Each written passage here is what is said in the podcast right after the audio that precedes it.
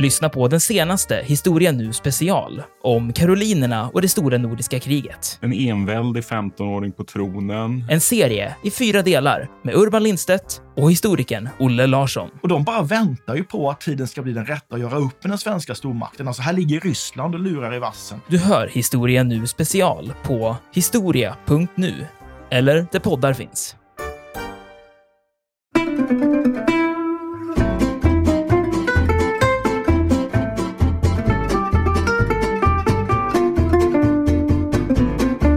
Käftarna slår igen den 17 juni och bara en vecka senare så hittar man ju då de här illa tilltygade kvarlevorna av den stackars Malcolm Sinclair. Det är en herde som gör upptäckten. Och även om liket var extremt svårt massakrerat och utan kläder och utan resehandlingar, utan allt tänkbart, eh, så kunde man snart identifiera då kroppen som Malcolm Sinclairs. Och här spelade då den här franska köpmannen en ganska viktig roll. Alltså han här Jean-André Couturier.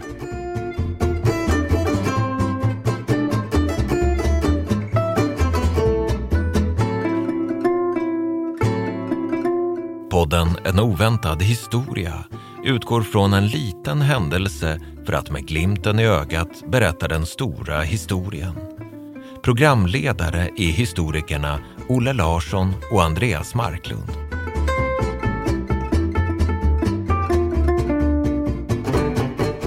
Hallå där Olle!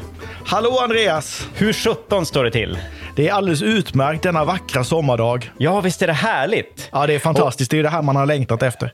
Absolut, och något som vi också har längtat efter det är att få prata om svensk underrättelseverksamhet riktad mot Ryssland. Och inte Det- minst under frihetstiden. Ja, exakt. Det är det som är så speciellt. För vi ska, idag ska vi kasta oss över ett jättehärligt ämne som, har, som är helt klart så här sp- spion och agentrelaterat. Det är ett ämne som kretsar kring ett, ett väldigt obehagligt och dramatiskt mord inne på vad som då var Österrikes territorium som förövades av en likvideringspatrull utsänd av den ryska staten. På många sätt en historia som låter som någonting från kalla kriget, eh, kanske till och med från våra egna tider. Vi tänker på ryska agenter utrustade med polonium och andra obehagliga substanser som traskar omkring i London, eller vad det nu kan vara. Men den här historien kommer då, som, som du själv var inne på, från 1700-talet. Närmare bestämt från då själva upptakten till det som senare har blivit känt som hattarnas ryska krig. Hur låter det, Olle? Det låter alldeles utmärkt. Vad har du för förhållande då till hattarnas ryska krig? Alltså det kanske inte är det mest överexponerade då av alla dessa krig som vi har utkämpat mot våra grannländer. Nej, jag tror att det är ganska få som känner till det här hattarnas ryska krig, som egentligen då är ett revanschkrig, där det handlar om att det mer utrikespolitiska aggressiva hattpartiet vill ta tillbaka det som Sverige förlorade till Ryssland i freden vid Nystad 1721, alltså freden som avslutade det stora nordiska kriget. Så det är ett revanschkrig. Det här drivs också fram med hjälp av, eh, av Frankrike. Hattarna är ju frankofila.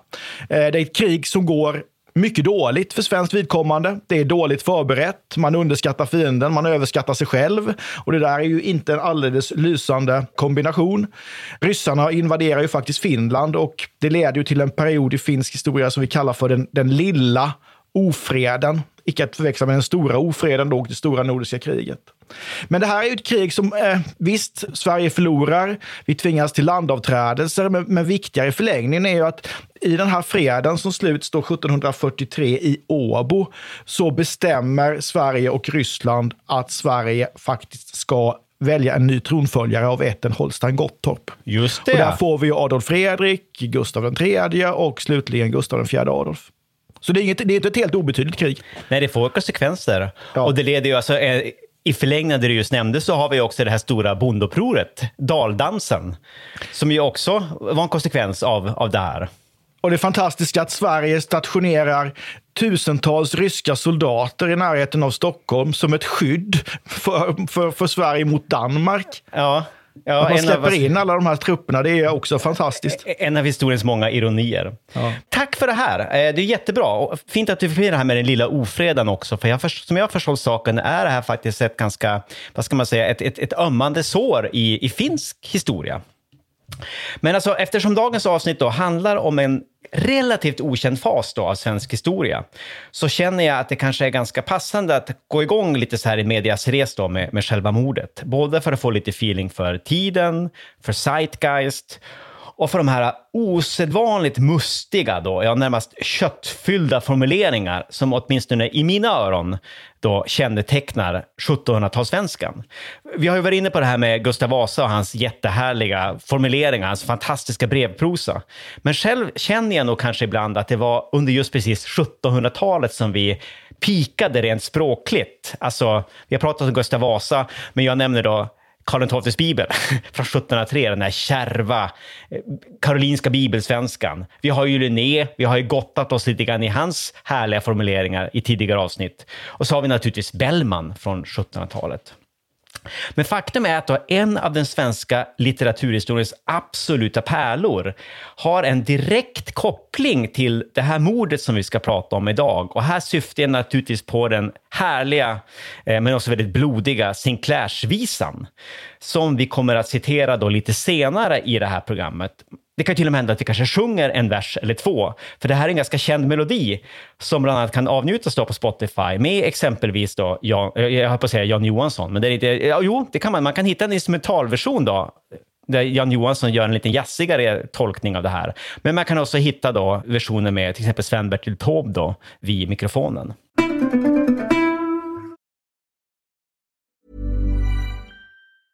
There's never been a faster or easier way to start your weight loss journey than with PlushCare. PlushCare accepts most insurance plans and gives you online access to board-certified physicians who can prescribe FDA-approved weight loss medications like Wigovi and Zepbound for those who qualify. Take charge of your health and speak with a board-certified physician about a weight loss plan that's right for you. Get started today at plushcare.com slash weight loss. That's plushcare.com slash weight loss. plushcare.com slash weight loss.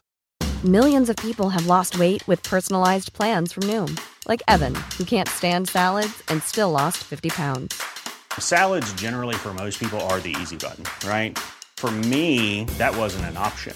I never really was a salad guy. That's just not who I am. But Noom worked for me. Get your personalized plan today at Noom.com. Real Noom user compensated to provide their story. In four weeks, the typical Noom user can expect to lose one to two pounds per week. Individual results may vary.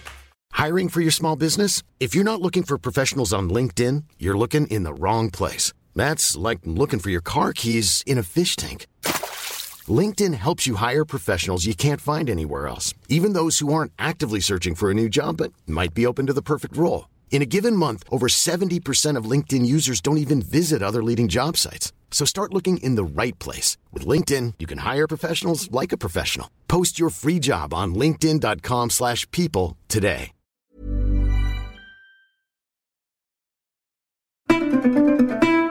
Men alltså till själva mordet nu, Olle. Och först då en liten trigger warning. Jag känner att det är passande då för känsliga lyssnare. Det här är väldigt blodigt och det är väldigt grafiskt beskrivet i källorna. Vi förflyttar oss tillbaka i tiden till nådens år 1739. Det är en ljummen försommarkväll den 17 juni och vi befinner oss strax norr om staden Naumburg am Bober i Schlesien. Idag ligger det här i västra Polen och staden heter nu Novogrod Bobranski. Men på 1700-talet så var Schlesien då en del av det Habsburgska väldet, alltså det vi idag skulle kalla för Österrike. Och staden hade alltså då ett, ett tyskt namn.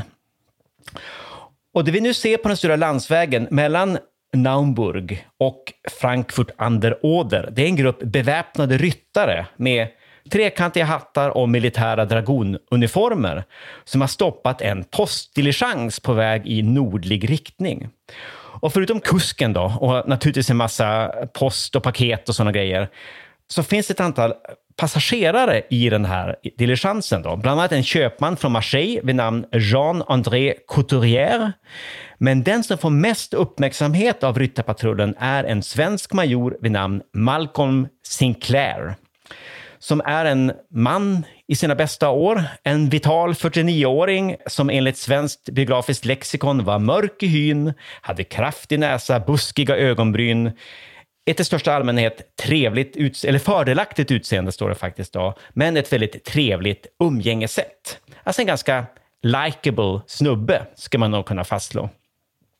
Och den här ryttarpatrullen förklarar i alla fall för passagerarna att det är någonting med deras resehandlingar, deras resepass, som har blivit fel tidigare under resan. Så Sinclair och hans medresenär måste åka tillbaka några kilometer, eller några fjärdingsväg, för att ordna upp det här. Alltså det är bara en formalitet, men ändå. Och detta åtlyds då av kusken, som i källorna beskrivs med beteckningen postiljon. Men så fort postvagnen då har lämnat öppet territorium och kommit in på lite skog, ett lite skogigare, mera undanskymt vägavsnitt, så stoppas vagnen en andra gång av samma ryttarpatrull. Och nu blir situationen plötsligt väldigt hotfull, för ryttarna drar sina flintlåspistoler och tvingar ut både Sinclair och fransmannen ur vagnen. Och enligt åtminstone en av källorna så försöker Sinclair göra motstånd. Han drar sina egna flintlåspistoler. Han har två stycken, som jag har förstått saken. Men när han inser att han är övermannad så ger han upp och överlämnar då sina puffertar, som det ofta heter på 1700-talet, till eh, de här dragonerna. Det är nämligen då sex beväpnade män som omringar diligensen. Det är fyra dragoner och två officerare, en viss kapten Kyttler och en löjtnant med efternamnet Levitsky. Och det är väldigt tydligt att det är Sinclair och inte den här fransmannen då som är, eh, vad ska man säga, eh, målet för vad det nu är som håller på att hända. Dragonerna sliter ut Sinclairs resväskor, hans koffertar, bryter upp dem och börjar plocka på sig alla papper och dokument som de hittar i packningen och det är ganska många enligt källorna. Samtidigt börjar då kapten Kyttler att ställa väldigt hotfulla frågor om de här dokumenten till Sinclair. Bland annat om en stor hoprullad militärkarta som Sinclair har haft med sig under resan. Och Sinclair han är visst ganska stursk och vägrar svara på många av de här frågorna. Eh, så till sist så förs han då in i skogen av Kyttler i sällskap med den här löjtnanten Levitsky. Mitt intryck är faktiskt att han nästan släpas in i skogen under ganska brutala former. För det som händer sen är att den här franska köpmannen Couturier. Han hör ett pistolskott och sen har han ett skrik från Sinclair. Au! Och så säger han Mon Dieu! Jesus, mon Dieu! Alltså min Gud, Jesus, min Gud. Och därefter ser visst fransmannen en blodig Sinclair som uppenbarligen är skjuten i huvudet. Och det är lite oklart här om han, om han faktiskt är död här eller om Sinclair försöker ta sig undan mellan trädstammarna. Men kaptenen den här Kyttler då, han ropar i alla fall på sina dragoner som kommer springande, rusande med sina dragna sablar. Och nu läser jag då högt ur en svensk rapport om mordet på Malcolm Sinclair från augusti 1739. Och det här är då en väldigt, väldigt detaljerad, blodig skildring av händelseförloppet. Jag citerar.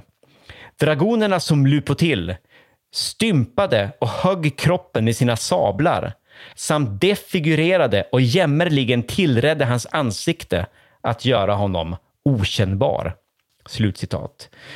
Och enligt fransmannens vittnesmål, som vi återkommer till om en liten stund, så lät det här citat alldeles som när man hugger i en trädstam. Slutcitat. Så inte nog med att Malcolm Sinclair togs av daga på brutalaste och lömskaste vis av de här mystiska ryttarna. Hans kvarlevor blev dessutom då systematiskt sönderhackade och ansiktet systematiskt sönderslaget för att omöjliggöra senare identifiering. Så det här är då verkligen mord och inga visor, Olle. Det är en osedvanligt grym och bestialisk ogärning, men det är också tydligt att det här var tämligen välplanerat och kusligt målinriktat. För den här franske medresenären, Cotier, han kom ju inte till skada. I alla fall inte allvarligt. Det är från honom som de flesta av de här vittnesuppgifterna kommer faktiskt. Men alltså, vem var mordoffret egentligen, Olle? Den här Malcolm Sinclair. Vad kan vi säga om hans, om hans bakgrund till exempel? Ja, vi kan väl börja med att titta på hans efternamn. Han heter alltså Sinclair där antyder att han inte är ursvensk från början, och det är han ju inte heller. Han kommer ju från skotsk bakgrund. Hans eh, förfäder kommer till Sverige under 1600-talet. De är också då går i svensk tjänst och det är ju inte alldeles ovanligt att det kommer hit skottar som sen kommer att få viktiga roller i den svenska krigsmakten. Och eh, den här Malcolm Sinclair föds alltså i Göteborg 1690. Mm. Och Han var göteborgare. Pappan sen har ju, gör ju karriär under stora nordiska kriget. Han blir ju faktiskt till och med generalmajor och adlad. Mm, friherre. Och han, Malcolm Sinclair deltar ju också i stora nordiska kriget, där han är Fenrik vid Livgardet, såras i det stora slaget vid Holovdyn i augusti 1708. Han är också med i slaget vid Poltava 1709 och tillhör de tusentals svenska soldater som sen hamnar i rysk fångenskap. Och han kommer då att tillbringa 13 år i Sibirien innan han återvänder hem. Mm, just det. Och det, där händer det ju någonting. Vi vet inte speciellt mycket om hans bakgrund egentligen, men i Ryssland så är han ju med tillsammans med en annan svensk officer och dödar en tredje svensk officer som tydligen då har deserterat och övergått i rysk tjänst. Omständigheterna här är ju lite oklara, men det, mitt intryck är att det kanske kan ha varit någon slags duell eller något sånt där som, som, som fick då dödlig utgång. Och han och döms ju också själv till döden för detta Ja, av ja, en rysk domstol. Precis, men lyckas Men- undkomma. Ja, han klarar, klarar sig undan med, med, med livhanken i behåll och kommer tillbaka till Sverige då tillsammans med de andra hemvändande krigsfångarna. De få, får man väl säga, som ändå kommer hem. Och då är de hem, då är det är ju året 1722. Precis, precis. Så en, en, en tämligen, vad ska man säga, det är en krigsveteran onekligen och kanske något av en överlevnadskonstnär med en väldigt, eh, alltså i alla fall med moderna ögon, en väldigt äventyrlig bakgrund. Men alltså hemma i Sverige då, efter 1722, så börjar Malcolm Sinclair, eller Sinclair då, att engagera sig i politiken som politisk representant för adelsståndet. Eh, det är ju där han är hemma, så han börjar liksom hänga ut på Riddarhuset under de politiska sessionerna när ståndsriksdagen håller sina möten. Och under 1730-talet så börjar han då närma sig det du var inne på tidigare, det här man kallar för hattpartiet, som då stod i opposition till frihetstidens starke man i, i Sverige, den här Arvid Horn, som var kan, kanslipresident. Och vi kanske ska då precisera att det var, kan väl nästan jämföras med någon slags statsminister. Alltså han ingick ju då, hade ledande position, position i riksrådet och eh, var väl chef då för det som heter kanslikollegium. Olle, men kan, kan du ge då en kort statusrapport då över det politiska läget i Sverige under just 1730-talet? Dels vad gäller dessa hattar och mössor. Du har varit inne lite, på, lite, lite grann på tidigare, men alltså också om vad, liksom, hur relation till Ryssland spelade in i allt det här. Ja, vi kan väl börja med att flytta oss tillbaka till åren då kring det stora nordiska krigets slut, där karolinska väldet, enväldet upphör och istället så får vi en svag kungamakt och makten i Sverige under den här så kallade frihetstiden, alltså en tid med frihet från kungligt envälde, ligger då hos den svenska riksdagen och de fyra stånden, adel, präster, borgare och bönder. Och det är ju här då på 1730-talet som man säger att Sveriges första politiska partier skapas. Och det där, när vi tänker på politiska partier, det här kan ju föra lite fel, att det här skulle vara partier med partiprogram och ja, en, en fast partiorganisation och sådär, för så är det ju inte, utan de här partierna som skapas, det är ju grupper som, som formas när den svenska riksdagen är samlad och som driver olika typer av frågor. Och vi pratar då om hattar och vi pratar om mössor. Eller Och, nattmössor kanske. Hatt, hattmössor, precis. Nattmössor, det var ju det de ja. kallades för. Ja. Det var ju Arvin Hoods eh, anhängare. Och de eh, hattarna är ju eh, krigiska, de är revanschistiska, de vill ha en aktiv utrikespolitik ta tillbaka det Sverige förlorade i frederna efter stora nordiska kriget. Medan mössorna är mer intresserade av en försiktigare utrikespolitik, gärna mer betoning av handel och sådana saker. Och eh, det här med uppkomst av begreppet mössor, det är ju hattpolitikerna som förklenande kallar kanslipresidenten Horns anhängare för just nattmössor. Så det blir ju mössor. Men de här hattarna är alltså krigsaktiva, de är antiryska, de avskyr ryssar, men är starkt frankofila. Så så skulle man väl kunna eh, sammanfatta de här två partierna. Och det här är ju också, det här är ju en tid där eh, det finns mycket, naturligtvis många utländska diplomater i Stockholm som gärna vill veta var, vad som diskuteras på de svenska riksdagarna och inte minst då i det sekreta utskottet. Det Där är så härligt svensk- namn. Ja. Ja, det är ett fantastiskt namn.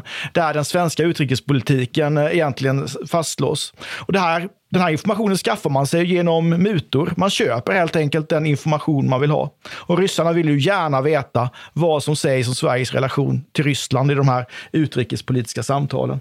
Just det, just det. Så vi kan alltså fastslå att eh, hattarna, de var väldigt frankofila och kanske kan man säga då en aning russofobiska. Eh, och dessutom tänkte jag, finns det inte en sån manlighetskoppling till allt det här. Alltså han, eh, med hattpartiet, de kallade motståndarna för nattmössor. Men var det något att själva så var de karar för sin hatt? Visst är det någonting sånt det handlar om delvis? Ja, det är det säkert och det är ju ja. därför som begreppet nattmössa är så förklenande. Ja, ja exakt, exakt. Det är ju inte bara och, det att man är en mössa, man är en nattmössa och det måste ju vara ännu värre. Ja, exakt. Och en smula omanligt tror jag också, ja, alltså ur tidens perspektiv. Och, och de hade ju ganska starka sympatisörer just, eh, alltså Hattpartiet då, bland, eh, alltså inte minst då inom eh, krigaraden, kan man väl säga. Malcolm Sinclair, han var ju då på många sätt den perfekta hattpartisten kan man kanske säga. Var han inte det? Alltså han var ju både militär, han var adlig, han var, han var väldigt språkbegåvad, han var frankofil och han var då ytterst skeptisk till Ryssland, alltså efter sina då 13 år i Sibirien. Det, det, är liksom, det fattar ju vem som helst. Men, men alltså det här var ju en, en allmänt ganska ryssfientlig tid i Sverige och han var till och med känd då. Ja, han, måste ju vara, han är ju det perfekta kapet för ja. hattpartiet. Han, han är ju liksom hatten personifierad på något sätt. Ja, han har ju allt. Och Det som blir viktigt för dem det är ju när hattarna lyckas ta makten då och dominera den svenska riksdagen. Det gör man ju från och med 1738 när Arvid Horn blir eh, avsatt och istället ersatt då av hattpartisten Carl Gyllenborg.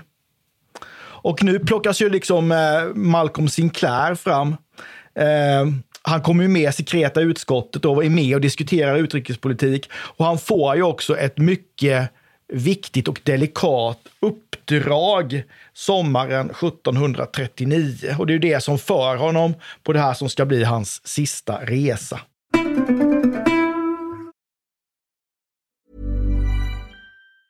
There's never been a faster or easier way to start your weight loss journey than with PlushCare. PlushCare accepts most insurance plans and gives you online access to board-certified physicians who can prescribe FDA-approved weight loss medications like Wigovi and Zepbound for those who qualify. Take charge of your health and speak with a board-certified physician about a weight loss plan that's right for you.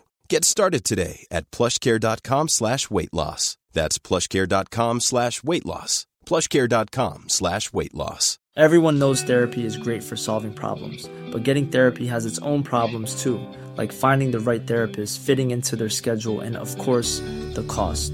Well, BetterHelp can solve those problems. It's totally online and built around your schedule. It's surprisingly affordable too.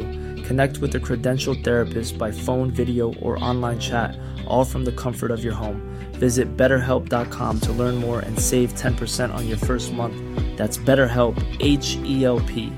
Quality sleep is essential. That's why the Sleep Number Smart Bed is designed for your ever evolving sleep needs. Need a bed that's firmer or softer on either side? Helps you sleep at a comfortable temperature? Sleep Number Smart Beds let you individualize your comfort so you sleep better together. JD Power ranks Sleep Number number 1 in customer satisfaction with mattresses purchased in-store. And now, save 50% on the Sleep Number limited edition Smart Bed for a limited time. For JD Power 2023 award information, visit jdpower.com/awards. Only at a Sleep Number store or sleepnumber.com.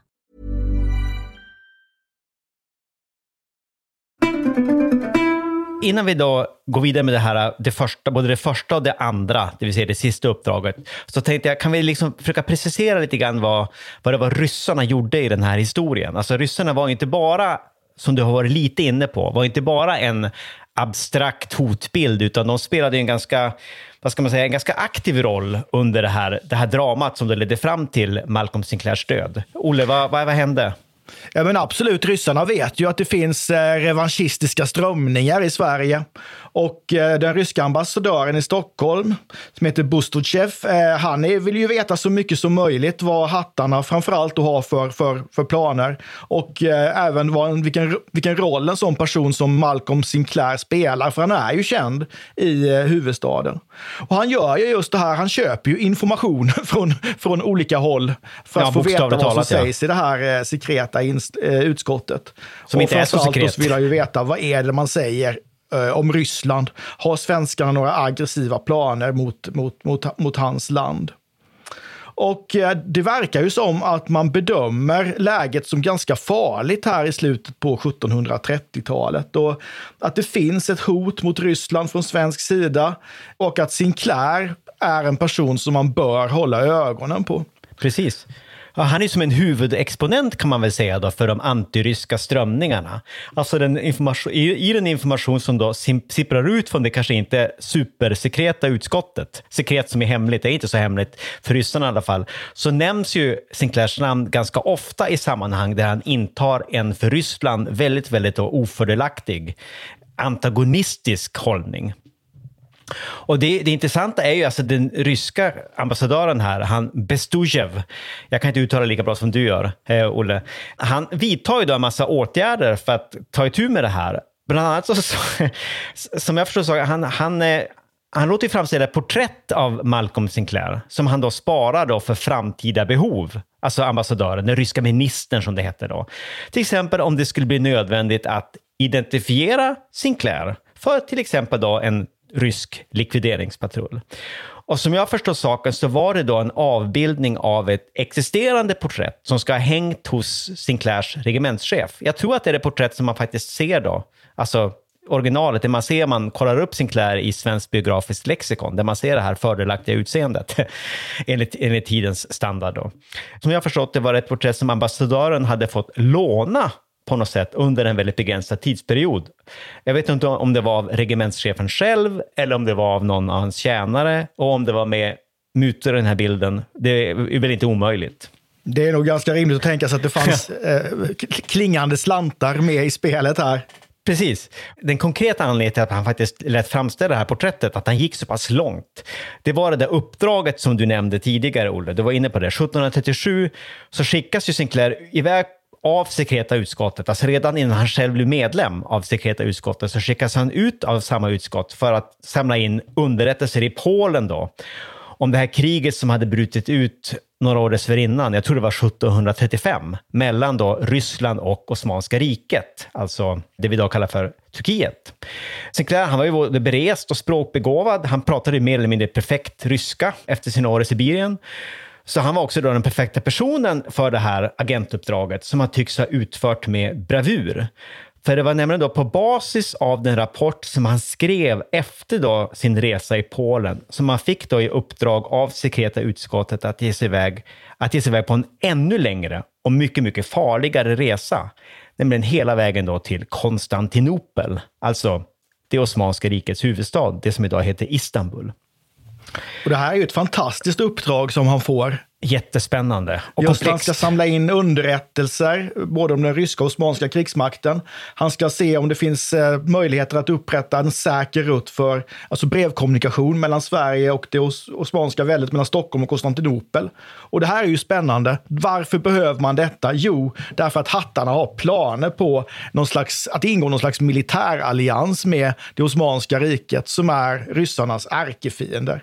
Precis, precis. Fiendens fiende är verkligen din vän. Därför är den viktigaste delen av det här uppdraget då, det är att Sinclair han ska överlämna ett brev till självaste sultanen och den osmanska regeringen, alltså den som kallas för den höga porten. Återigen ett fantastiskt namn.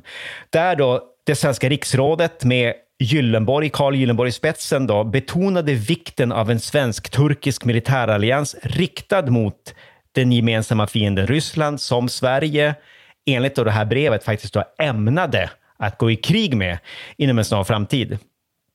Och det var naturligtvis ett topphemligt uppdrag och det var bara fyra ledamöter i det sekreta, hemliga utskottet som var fullt införstådda då i alla detaljerna. Men inte desto mindre fick ju då ryssarna kännedom om de här planerna, i alla fall i stora drag, genom den här ambassadören, eller ministern i Stockholm, Bestujev, som antingen genom mutor eller uppsnappade brev, alltså någon form av postspionage, fick information om att Sinclair skulle ge sig ut på ett kombinerat spion och kuriruppdrag som var riktat direkt mot Ryssland och ryska intressen. Men hur reagerade den här ryska ambassadören då på det här? Jo, nu får ju ambassadören nytta av det här porträttet som han har skaffat av Sinclair. Så det här porträttet skickas ju iväg med diplomatpost från Stockholm till eh, kejsarinnan Anna av Ryssland och hennes ministrar i den ryska huvudstaden Sankt Petersburg. Och eh, man skickar också med information om vad som ska hända under den här resan som Sinclair ska eh, företa. Både vad hans uppdrag är och även vilken rutt man ska genomföra den här resan enligt. Då. Så att allting är ju förberett för att man ska kunna plocka upp eh, Sinclair. Ja, just det. Precis. Ja, jo, precis. Alltså, men ryssarna är ju kusligt välinformerade. Men Sinclair har ju fått med sig då ganska många olika respass med ganska många olika då identiteter. Han kallade sig till exempel då John Olofsson under delar av resan. Alltså jag vet inte hur mycket skillnad just det gjorde, men han lyckades faktiskt ta sig helskinnad hela vägen då till Konstantinopel i september 1738 efter att ha lämnat Sverige i juli samma år då, via Ystad, Lübeck och Hamburg. Men den första delen av det här uppdraget gick ju då ganska smutt. Även om det finns uppgifter om att då ryssarna alltså redan under utresan gjorde flera, flera försök då att stoppa Sinclair att liksom, jag älskar det engelska ordet interception. De försökte intercepta honom flera gånger under resan. Men, men, men ingenting hände. Han tog sig hela vägen fram, denna John Olofsson.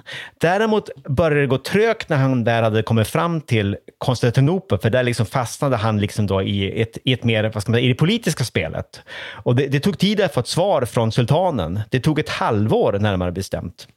Men i april 1739 så kunde Sinclair då kvittera för en, en officiell skrivelse från Höga porten, där då den osmanska regeringen förklarade sig vara villig att ingå ett, ja, ett rent formellt försvarsförbund med Sverige.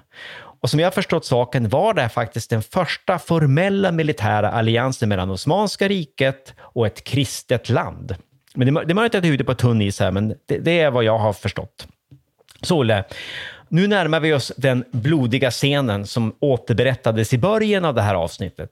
Vad händer nu egentligen? Nu har ju Sinclair genomfört det som var hans uppdrag och det blir då dags att återvända till Sverige. Och eh, första delen av den här resan tillbaka till hemlandet går ju väldigt smidigt eftersom eh, den osmanske sultanen har ju givit Sinclair en militär eskort, så han är ju säker så länge han befinner sig på osmanskt territorium.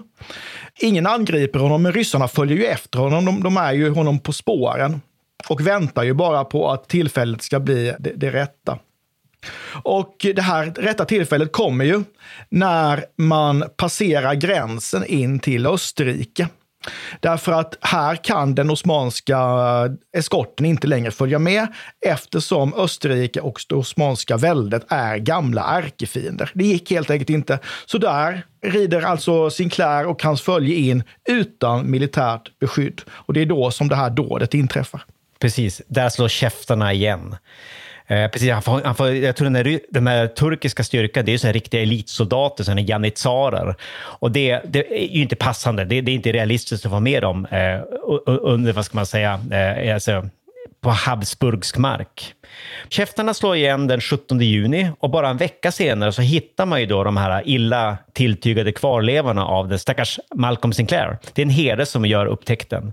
Och även om liket var extremt svårt massakrerat och utan kläder och utan resehandlingar, utan allt tänkbart, eh, så kunde man snart identifiera då kroppen som Malcolm Sinclairs. Och här spelade då den här franska köpmannen en ganska viktig roll, alltså han här Jean-André Couturier. För han togs ju till fånga av den här ryska dragonpatrullen som förde honom bunden till Königsteins fästning i närheten.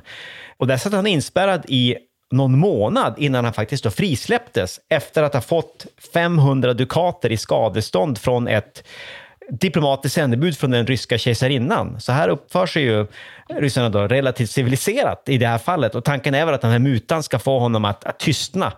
Men, men så blir det inte, utan fransmannen, och här ska vi komma ihåg att Frankrike är ju faktiskt då allierat med Sverige på den här tiden. Fransmannen beger sig till Sverige och avger rapport för det svenska riks riksrådet, Gyllenborg och hans mannar, om mordet på Malcolm Sinclair. Sen har vi de här papperen. Han hade ju med sig de här papperen också, Sinclair. Och jag nämnde då i min inledningsbild att ryssarna liksom kollade igenom packningen och började ställa massa obehagliga frågor. Men lyckligtvis så hade Sinclair skickat iväg alla de här breven, inklusive den officiella skrivelsen från regeringen och sultanen i Osmanska riket.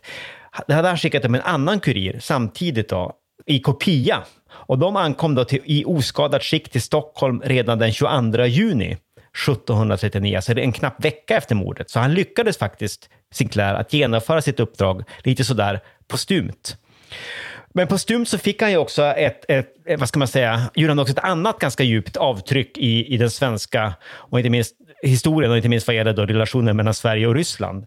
För han blev en slags martyr för hattarna. Sinclair-mordet blev en internationell skandal, i alla fall en europeisk skandal. Och den ryska statsledningen skickade faktiskt ut en form av ja, officiell redogörelse som spreds i hela Europa, som trycktes, där de tog avstånd från de här illgärningen, den här ogärningen. Samtidigt som de här dragonerna, Kyttler, Levitsky och de fyra andra, de försvann spårlöst. Som jag har förstått saken så skickades de till Sibirien och fick nya namn och nya identiteter. Men det är många detaljer här som är lite oklara. Men i Sverige bidrog det här mordet till att piska upp en, en väldigt hetsk antirysk stämning som ju passade Hattpartiet som hand i handske. Och nu blev alltså den döda Sinclair ett slags martyr. Inte bara, han blev en martyr i hattarnas propaganda både före och under det här katastrofala kriget 1741 till 1743. Och nu kommer vi äntligen till Sinclairsvisan, Olle. Alltså detta synnerligen prominenta litterära alster som skrevs av hattpartisten och senare ämbetsmannen Anders Odell och som publicerades då första gången som skillingtryck 1739 och som efteråt har kommit ut i ett, jag tror ett hundratal olika utgåvor. Och det här är ju en extremt blodig visa. Eh, jag tycker det gäller många av de här gamla svenska slagdängorna. Alltså min farmor sjöng inte Sinclair-visa, men hon sjöng alltid den där i en sal på lasarettet. Om du kommer ihåg den. Ja, den och Elvira Madigan. Många sådana, precis, ja. precis. Alltså ond, bråd död, ja. eller sotdöd. Död, dö, döden är liksom en ständig följeslagare i, i den svenska visskatten. Men det här är liksom, här går man några steg längre än i många andra visor vill jag säga. Eh, jag ska, jag ska börja med att fastslå för alla som försöker googla detta att eh, själva titeln är egentligen då väldigt lång och tidstypiskt snårig. Den börjar med orden Hjältarnas samtal med den tappre och omistlige, men på sin hemresa ifrån Konstantinopel i nejden av Breslau förräderligen mördade svenska majoren vid Upplands regemente till fot, den välborne herren, herr Malcolm Sinclair. Man kan ju tänka sig att en ja. nutida förlagsredaktör hade haft en del synpunkter på den titeln. Onekligen, onekligen. Dess, precis. Dess totala osäljbarhet. Kan, kan det här komprimeras, herr Odell? Men du, Olle, har du läst den här? Ja, det har jag gjort. Jag är svårt förtjust i den. Jag delar ju din, eh, din fascination över 1700-talssvenskan. Ja. Uh, ja, det, det är väldigt fint. Är det. Och dessutom, som sagt var, är ju melodin fantastisk. Ja. Jag lyssnade faktiskt på den idag på morgonen. Ja. Eh, men jag lyssnade på den då i Jan Johanssons pianoversion. Den är så jag fin. var ju alldeles tagen och tårögd. Ja, precis. Man får gåshud. Den är ja. otroligt vacker. Men alltså, vi drar några strofer, men först återger handlingen väldigt snabbt. Då. Alltså, den är ju skriven i jag-form och började med att författarens alter ego vaknar, han vaknar i dödsriket, leds av en herde till en mystisk kammare där det sitter tolv svenska karar runt ett silverbord. Och den tolfte av dessa är naturligtvis Karl den tolfte själv, som beskrivs som en väldigt ståtlig och manlig individ med höga ryttarstövlar och halvdragen värja, som är väldigt lång. Eh, och det är då Karl XII då som är visan för de gamla kungarnas talan, då de möter Malcolm Sinclair, som också träder in i denna dödens kammare. Och här är det värt att återge då själva beskrivningen av Sinclair. Eh, jag, jag, läser först och sen tror jag jag sjunger någon strof, om jag, om jag törs. Citat. Strax lättes blanka dörren upp. En svensker kar framträdde med skjuten sargad hjältekropp, dock minen intet rädde, eller rädde. Hans ansikte var med blod besköljt, nedsablat, trampat, slaget och bröstet som hans hjärta döljt hade grova skott intaget. Vad säger vi om Ja, det är fint. Det är jättefint. Och som sagt, det är en sån här La Folia-melodi. Alltså det är ursprungligen var det här någon slags...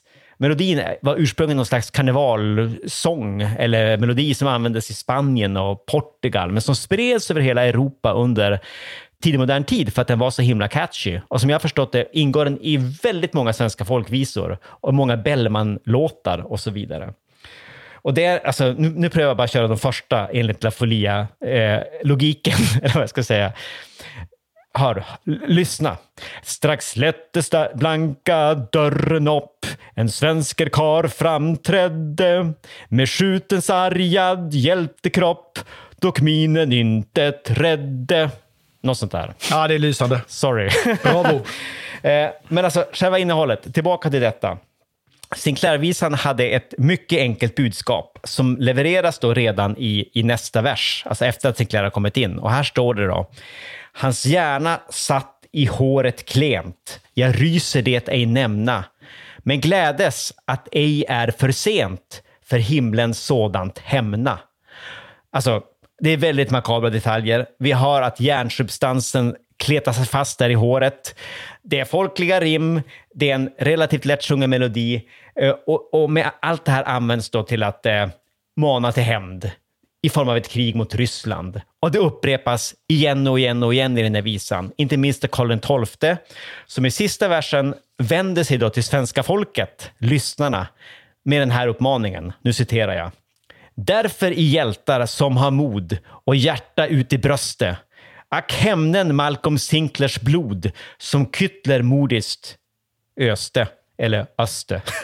Vad säger du om den poesin, Olle? Ja, jag är ju som sagt var mycket, mycket förtjust i det här. Det är kraftfullt, det är tydligt, det är tidstypiskt. Alltså det är klart att man nästan på är beredd att dra i härnad när man hör en sån här visa. Ja, precis. Upp, uppmaningen till hämnd. Och den, den, den fyller ju också den funktion som den, är tank, som, som den är tänkt att ha. Det blir ju också krig mot Ryssland 1741. Ja, precis, men men till och med jag som betraktar mig som relativt pacifistisk, jag ser ju att den där karolinska huggvärjan i hörnet, den ser, den ser väldigt lockande ut när jag Ja, hör det här. ja. Och kragstövlarna. Ja, exakt. Men du, eh, resultatet av allt det här blev ryssarnas, eller förlåt, hattarnas ryska krig. Eh, och det har vi pratat om en del och det kan man säga jättemycket om. Det gick ju inte så himla bra, men det blev också ett ganska, eh, vad ska man säga, ett krig som gjorde många avtryck också senare i, i, i historien. Det sparar vi till ett senare avsnitt. Nu tänker jag fråga dig om något helt annat.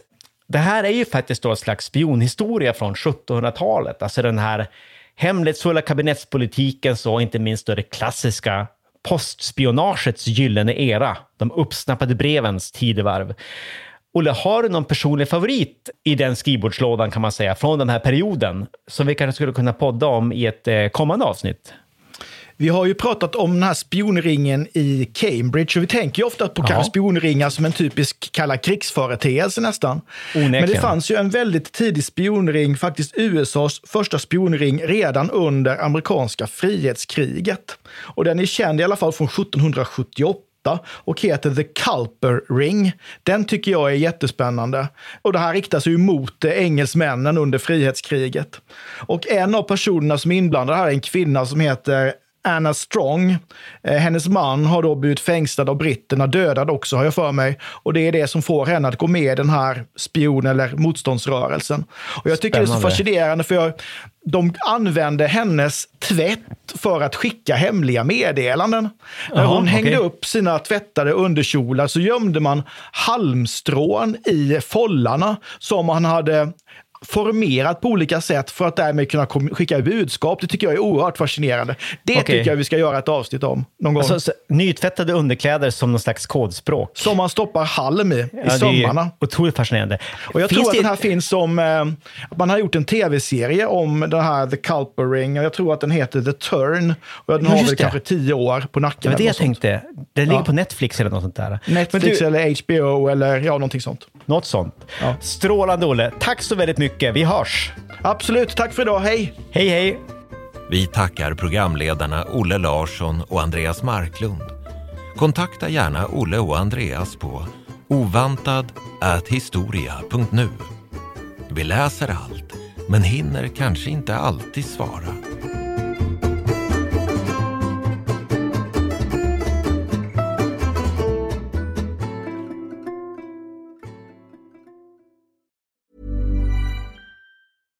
Mom deserves the best, and there's no better place to shop for Mother's Day than Whole Foods Market. They're your destination for unbeatable savings, from premium gifts to show-stopping flowers and irresistible desserts. Start by saving 33% with Prime on all body care and candles. Then get a 15-stem bunch of tulips for just $9.99 each with Prime. Round out Mom's menu with festive rosé, irresistible berry chantilly cake, and more special treats. Come celebrate Mother's Day at Whole Foods Market. Planning for your next trip? Elevate your travel style with Quince. Quince has all the jet setting essentials you'll want for your next getaway, like European linen, premium luggage options, buttery soft Italian leather bags, and so much more. And is all priced at 50 to 80% less than similar brands. Plus, Quince only works with factories that use safe and ethical manufacturing practices. Pack your bags with high-quality essentials you'll be wearing for vacations to come with Quince. Go to quince.com slash pack for free shipping and 365-day returns. Iran har under 1900-talet genomgått tre omvälvande revolutioner som orienterat landet antingen mot västerlandets modell eller mot en auktoritär styrelseform. Idag pågår en social revolution i landet som vänder sig mot det islamistiska styret och vars anhängare har Europa och väst som förebilder. I en viktig bok ger idéhistorikern Mohammad Faslashemi en djupare förståelse för dagens dramatiska händelseutveckling. Iran mellan tre revolutioner är utgiven av förlaget Historiska Media.